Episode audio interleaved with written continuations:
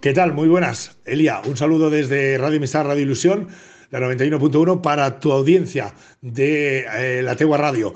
Vamos con noticias agradables, que es lo que nos gusta. Desde Petrer, el encuentro de artistas de calle Arte en Vitir vuelve al barrio Antí de Petrer los próximos días 1, 2 y 3 de abril para celebrar su novena edición después de dos años atípicos marcados por la pandemia en los que Arte en Vitir solo se pudo celebrar una vez y de forma muy reducida. Este 2022 regresa para llenar las calles de nuestra ciudad de color, de magia y de mucha ilusión.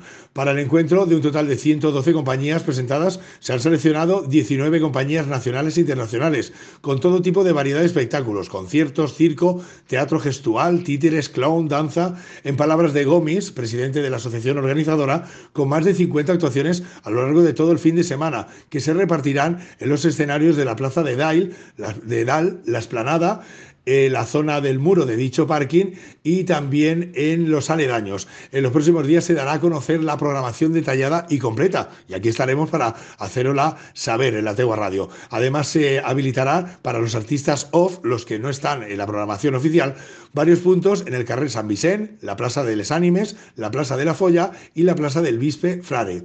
Y como otros años, el encuentro contará con conciertos nocturnos en el escenario de la Esplanada. Eh, los actuales eh, jardines Vicente Maestre Juan.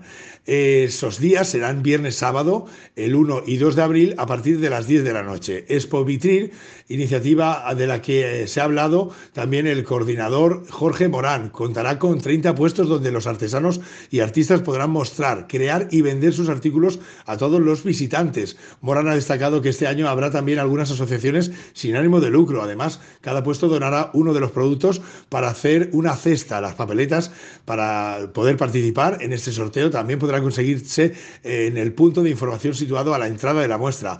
Finalmente, también otra de las componentes, Lola Vidal, del Grupo de Organización de Pintura y Arte Mural, ha explicado que Arte en Vitril este año busca convertir a Petrer en un referente del movimiento pictórico urbano de la provincia de Alicante. Para ello se realizarán obras de tres disciplinas que aunque pueden parecer y resultar similares, no tienen eh, nada que ver, tienen grandes diferencias entre sí, la pintura mural, el graffiti y el arte urbano. En esta edición participarán en varios puntos de Petrer más de 10 grafiteros, con 17 intervenciones aproximadamente, 5 pintores eh, murales y 3 grupos de artistas urbanos. Y también en el bachiller artístico IES, eh, Paco Moyá hará un taller de graffiti en el interior de la pista urbana.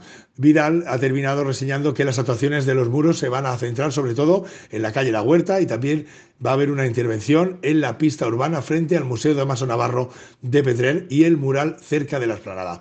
Pues todo esto, ya ven ustedes, pintando y dando color a nuestra ciudad para que esos rincones vayan tomando vida y creatividad. Saludos de Juanma Martínez desde Radio Amistad Radio Ilusión y un saludo para ti, Elia, por todo el trabajo, el esfuerzo y a seguir informando como tú sabes hacerlo.